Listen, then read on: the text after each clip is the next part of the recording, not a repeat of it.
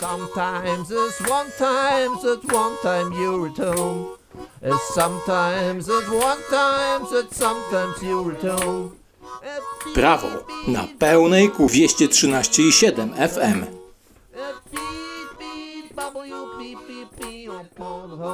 Minęła godzina 20, w związku z czym w radiu Prawo na pełnej czas na audycje karne materialne. To poprowadzony z przymrużeniem oka kurs prawa karnego materialnego, w którym ja mówię różne rzeczy, a wy ich słuchacie i mam nadzieję, że czegoś się dowiadujecie na temat tej dziedziny prawa. Dzisiaj porozmawiamy sobie o obowiązywaniu ustawy karnej w zakresie miejsca i osób popełniających czyny zabronione. Zaczynamy.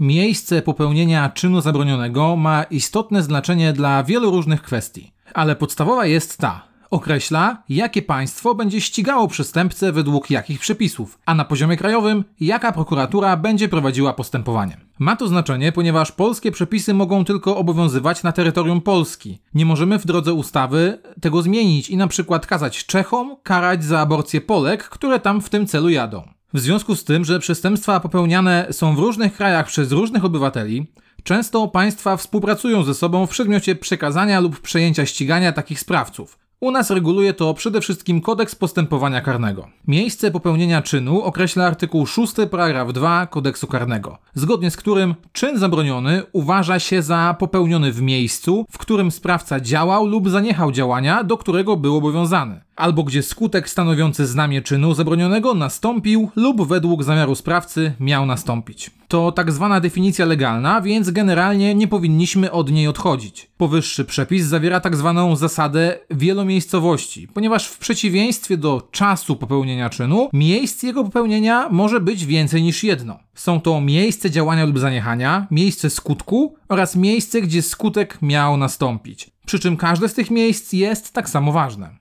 teoria, że przestępstwo można popełnić w kilku miejscach jednocześnie, to teoria wszędobylstwa. Możecie tym błysnąć w towarzystwie. Przykład. Nasz stary znajomy Blacha bije łysego po mordzie za to, że ten go wsypał na psiarni. Całość ma miejsce w Poznaniu, więc miejscem popełnienia czynu jest Poznań. Inny przykład. Blacha montuje w domu Łysego, znajdującym się w Warszawie, ładunek wybuchowy, który detonuje zdalnie samemu będąc w jastarni. Czyn popełniony jest w Jastarni, gdzie jest działanie sprawcy, i w Warszawie, gdzie wystąpił skutek. Skomplikujmy sprawę jeszcze bardziej. Blacha umieszcza w plecaku łysego ładunek, który chce odpalić w czasie, gdy ten będzie się widział ze swoimi kumplami w Wieliczce. Łysy niestety myli plecaki i zabiera inny, a ten z ładunkiem zostawia w Warszawie. Jeśli blacha zdetonuje ładunek będąc w Poznaniu, to mamy trzy miejsca popełnienia przestępstwa. Poznań, gdzie było działanie blachy, Warszawa, gdzie nastąpił skutek i Wieliczka, gdzie skutek miał nastąpić zgodnie z zamiarem blachy. Miejsce popełnienia czynu czasami, dość rzadko, stanowi znamie przestępstwa, czyli element niezbędny do jego zaistnienia. Na przykład zgodnie z artykułem 136 kodeksu karnego, kto na terytorium RP dopuszcza się czynnej napaści na głowę obcego państwa lub akredytowanego szefa przedstawicielstwa dyplomatycznego takiego państwa albo osobę korzystającą z podobnej ochrony na mocy ustaw, umów lub powszechnie uznanych zwyczajów międzynarodowych podlega karze pozbawienia wolności od 3 miesięcy do lat 5. Z miejscem popełnienia przestępstwa wiąże się kilka specyficznych czynów zabronionych. Przestępstwa tranzytowe. To konstrukcja, zgodnie z którą miejscem popełnienia przestępstwa jest nie tylko zachowanie i skutek, ale również skutki pośrednie. Bada się tutaj cały ciąg przyczynowo-skutkowy. Przykład. Nawiązując do poprzedniego przykładu, jeśli blacha włoży do plecaka łysego ładunek, a ten pojedzie do Poznania z Warszawy, Zgodnie z tą koncepcją, miejscem czynu będą wszystkie miejscowości, które przejechał. Koncepcja przestępstw tranzytowych jest generalnie odrzucana. Stanowi to przykład wykładni rozszerzającej na niekorzyść sprawcy. Poza tym definicja legalna z artykułu 6 paragraf 2 kodeksu karnego nie mówi nic o związku przyczynowym. Przestępstwa dystansowe były już tu podawane. W ich ramach działanie następuje w jednym miejscu, a skutek w innym. Przestępstwa internetowe to kontrowersyjna sprawa, bo prawo nie nadąża zbyt dobrze za nowymi technologiami. Zróżnicowana grupa czynów, która nie posiada obecnie przyjętej definicji, powszechnie nazywana jest właśnie przestępstwami internetowymi. Panuje jednak pewien konsensus, że są to czyny popełniane z wykorzystaniem systemu informatycznego, ale niewiele tak naprawdę nam to daje. Istnieją dwa główne sposoby ustalania miejsca popełnienia przestępstwa internetowego.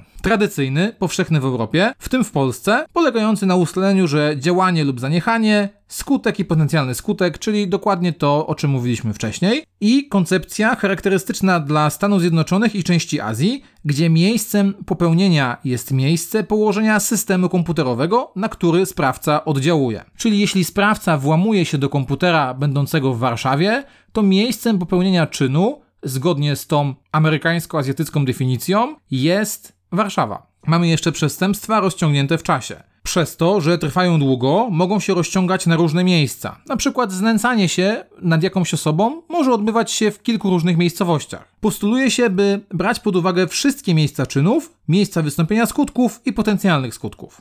Z miejscem popełnienia przestępstwa wiąże się istnienie zasady terytorialności, która wynika z artykułu 5 kodeksu karnego. Zgodnie z jego brzmieniem, ustawę karną polską stosuje się do sprawcy, który popełnił czyn zabroniony na terytorium RP, jak również na polskim statku wodnym lub powietrznym, chyba że umowa międzynarodowa, której RP jest stroną, stanowi inaczej. Zasada sprowadza się do tego, że polskich przepisów karnych powinni przestrzegać wszyscy, którzy znajdują się na terytorium szeroko rozumianym Rzeczypospolitej Polskiej. Jeśli chociażby jedno z miejsc popełnienia, o którym mówiłem wcześniej, znajduje się na naszym terytorium, polskie organy ścigania mogą działać w sprawie. Granicą obowiązywania polskiej ustawy jest więc granica państwa. Wyznaczana jest ona poprzez umowy międzynarodowe z sąsiadami. Granica państwowa rozgranicza nie tylko ziemię na powierzchni, ale także powietrze, wodę i wnętrze Ziemi. Przyjęło się, że przestrzeń powietrzna kończy się na wysokości około 90 km.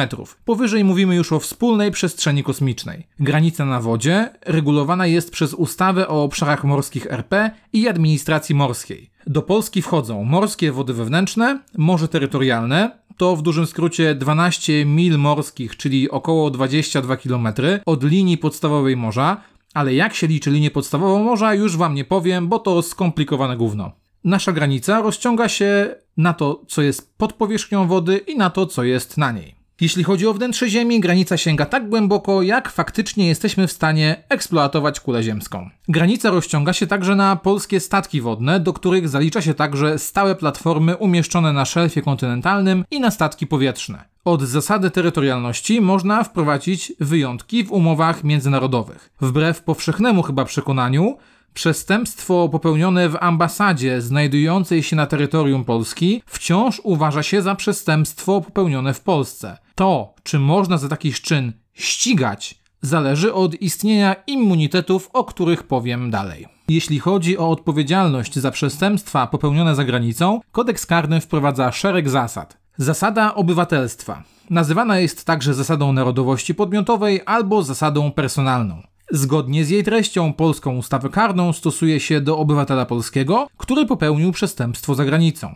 Posiadanie dodatkowego obywatelstwa nie ma tutaj znaczenia. Jeśli ktoś zrzekł się obywatelstwa po popełnieniu przestępstwa, także to nic nie zmienia. Warunkiem stosowania odpowiedzialności w zakresie obywatelstwa jest istnienie tzw. Tak podwójnej karalności. Tylko wtedy można pociągnąć Polaka do odpowiedzialności, jeśli w kraju popełnienia przez niego czynu takie zachowanie także jest traktowane jako przestępstwo. Jeśli między ustawami różnych krajów zachodzą różnice, osądzając Polaka, można uwzględnić te różnice na jego korzyść. Warunek podwójnej karalności nie ma zastosowania do polskiego funkcjonariusza publicznego, który pełniąc służbę za granicą popełnił tam przestępstwo w związku z wykonywaniem swoich funkcji, ani do osoby, która popełniła przestępstwo w miejscu niepodlegającym żadnej władzy państwowej. Chodzi o to, że polscy funkcjonariusze muszą zawsze przestrzegać naszych przepisów, niezależnie od tego, gdzie się znajdują. Dalej mamy zasadę narodowości przedmiotowej zwykłej. Inne jej nazwy to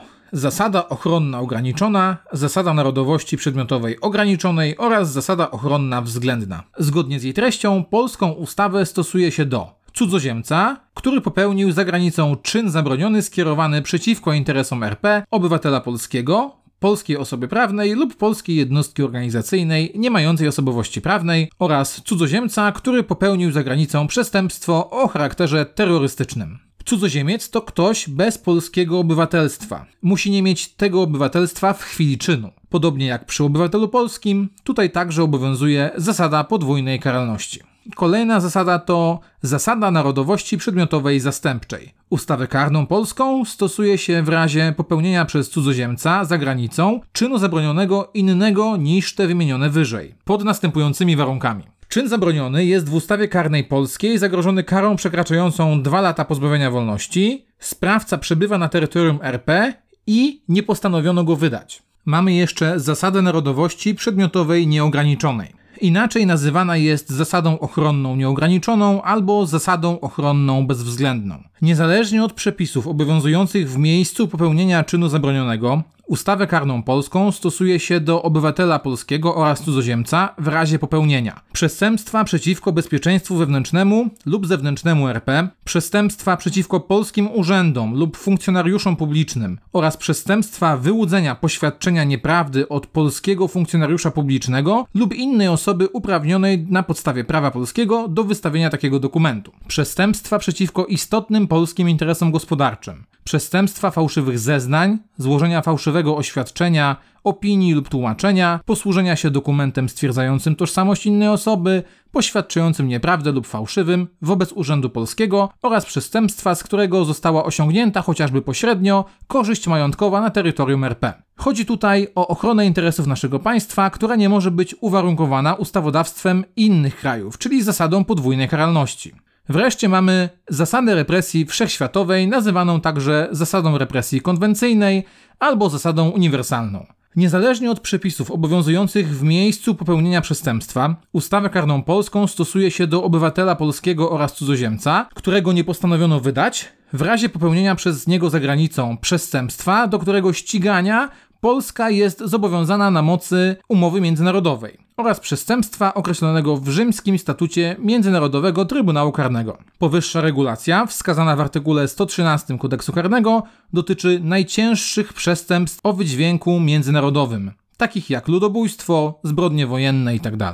W omawianym obszarze będzie nas jeszcze interesowało zagadnienie ukarania za granicą. Z uwagi na to, że Polska jest stroną wielu konwencji i członkiem Unii Europejskiej, aktualizuje się właśnie ten problem w naszym ustawodawstwie. W takiej sytuacji nie obowiązuje zasada res judicata, czyli że nie można prowadzić postępowania w sprawie, która już się zakończyła, oraz ne bis in idem, czyli nie można dwa razy karać za to samo. Z artykułu 114 paragraf 1 kodeksu karnego wynika bowiem, że orzeczenie zapadłe za granicą nie stanowi przeszkody do wszczęcia lub prowadzenia postępowania karnego o ten sam czyn zabroniony przed sądem polskim. Wyjątek od tej zasady. Wyrok wskazujący zapadły za granicą został przejęty do wykonania na terytorium RP, jak również wtedy, gdy orzeczenie zapadłe za granicą dotyczy przestępstwa, w związku z którym nastąpiło przekazanie ścigania lub wydanie sprawcy z terytorium RP. Kolejny wyjątek to orzeczenia międzynarodowych trybunałów karnych działających na podstawie wiążącego RP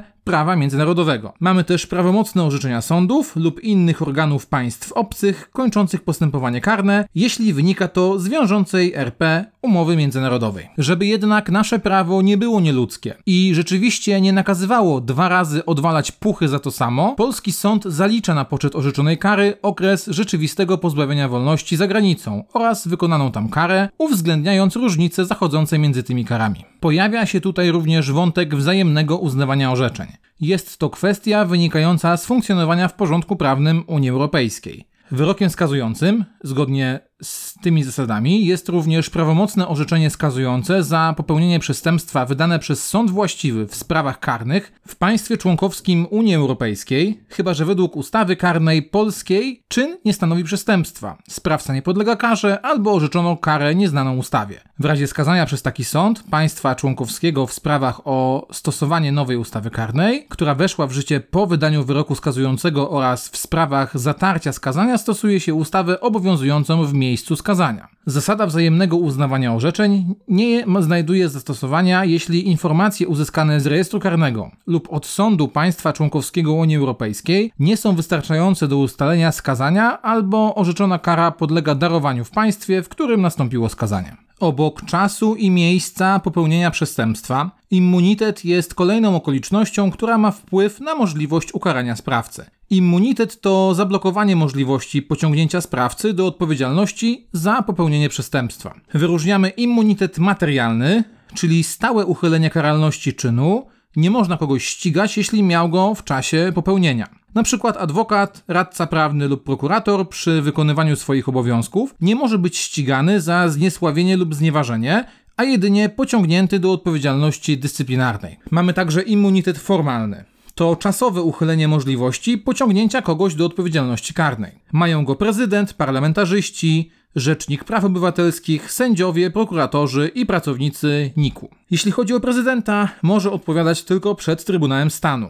Poseł i senator do czasu wygaśnięcia mandatu nie może być ścigany za popełnienie przestępstwa. Mogą oni jednak sami zrzec się immunitetu, haha, lub może to zrobić za nich Sejm. Wątpliwości budzi immunitet materialny z artykułu 105 Konstytucji, zgodnie z którym poseł nie może być pociągnięty do odpowiedzialności za swoją działalność wchodzącą w zakres sprawowania mandatu poselskiego, ani w czasie jego trwania, ani po jego wygaśnięciu. Za taką działalność poseł odpowiada wyłącznie przed Sejmem, a w przypadku naruszenia praw osób trzecich może być pociągnięty do odpowiedzialności sądowej tylko za zgodą Sejmu. Nagram o tym chyba odrębny film. Jeśli chodzi o RPO, nie może być pociągnięty do odpowiedzialności bez zgody Sejmu. Sędziowie na pociągnięcie do odpowiedzialności zgodę musi wydać odpowiedni sąd, zasady dość podobne do parlamentarzystów.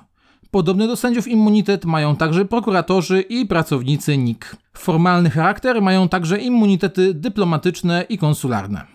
To koniec na dzisiaj. Bardzo dziękuję, że zostaliście ze mną do tej pory. Przepraszam za pewne niedoróbki w tym nagraniu, ale nagrywam w trudnych warunkach, kiedy w kilku mieszkaniach e, w moim bloku trwają remonty, także mam nadzieję, że mi to wybaczycie.